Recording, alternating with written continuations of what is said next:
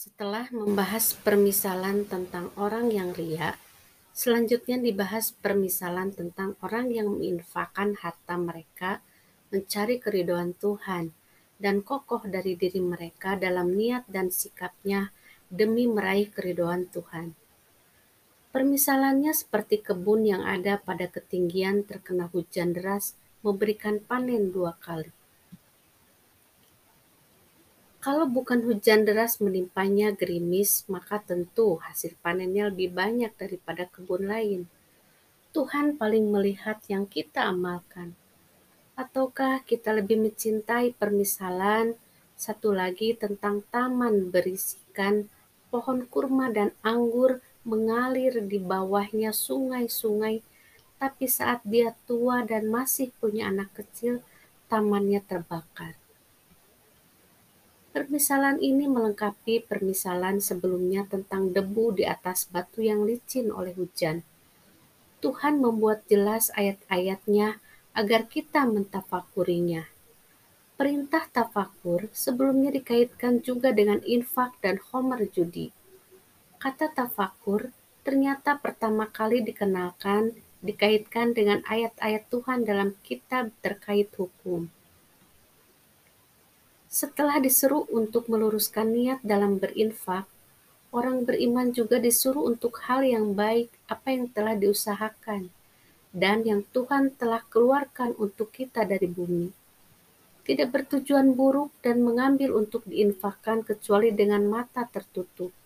Semua itu karena kita mengilmui Tuhan paling kaya, paling terpuji. Jangan kita takut fakir. Ketakutan akan fakir adalah janji dari setan dan memerintahkan manusia dengan keburukan, sedangkan Tuhan menjanjikan pengampunan darinya dan karunia. Dia paling luas, paling mengilmui atas segala hal yang Tuhan jelaskan.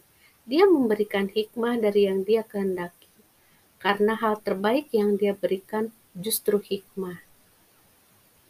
Hikmah menjadikan mereka ulil albab atau orang yang paham dan membuat mereka mampu berzikir.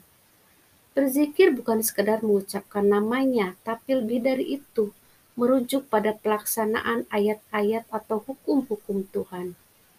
Jangan membatasi zikir hanya sekedar pelepas rasa gelisah, karena yang semestinya kita zikiri adalah keseluruhan Quran. Ulil albab mampu memahami bahwa dalam perintah kisos ada kehidupan dan sebaik-baiknya bekal dalam haji adalah ketakwaan. Seperti mereka juga memahami pemberian terbaik yang berlimpah adalah hikmah, bukan harta yang diberikan Tuhan pada Rasulnya seperti Daud alaihissalam, juga diberikan pada manusia biasa menyertai kitabnya. Selain infak, ada juga yang disebut dengan nazar, Nazar adalah janji untuk berinfak jika telah dapat rezeki. Tuhan mengilmui apa yang dinazarkan manusia. Mereka yang melanggar nazar dikategorikan sebagai orang zalim dan bagi mereka tidak akan ada penolong. Padahal tidak ada penolong kecuali Tuhan, maka berarti Tuhan tidak menolong mereka. Tidak ada masalah jika kita membuka sedekah, itu bagus sekali atau nikmat. Jika mereka menyembunyikan, itu sangat memberikan pada yang fakir, maka itu lebih baik. Dan dia akan mengkafirkan kejahatan kita. Maksud dari mengkafirkan adalah menghilangkan atau menutupi. Jadi makna kafir lebih pada menutupi fakta kebenaran, bukan menolak. Kali ini terhadap apa yang dilakukan manusia, Tuhan mengkaitkan dengan namanya, paling memberi kabar.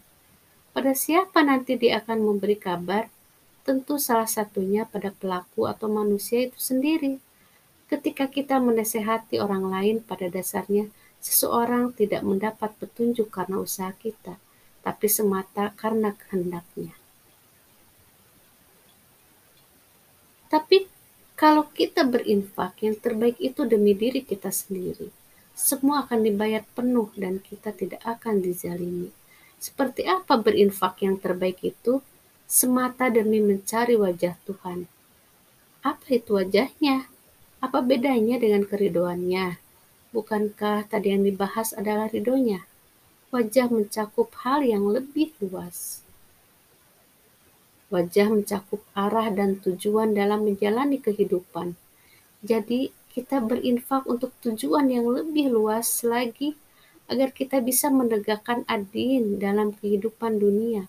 Karena infak harus visabilillah atau dalam jalan Tuhan. Semua dorongan untuk infak semata karena harta tidak dibagi rata oleh Tuhan untuk semua manusia. Manusialah yang harus selagi berbagi.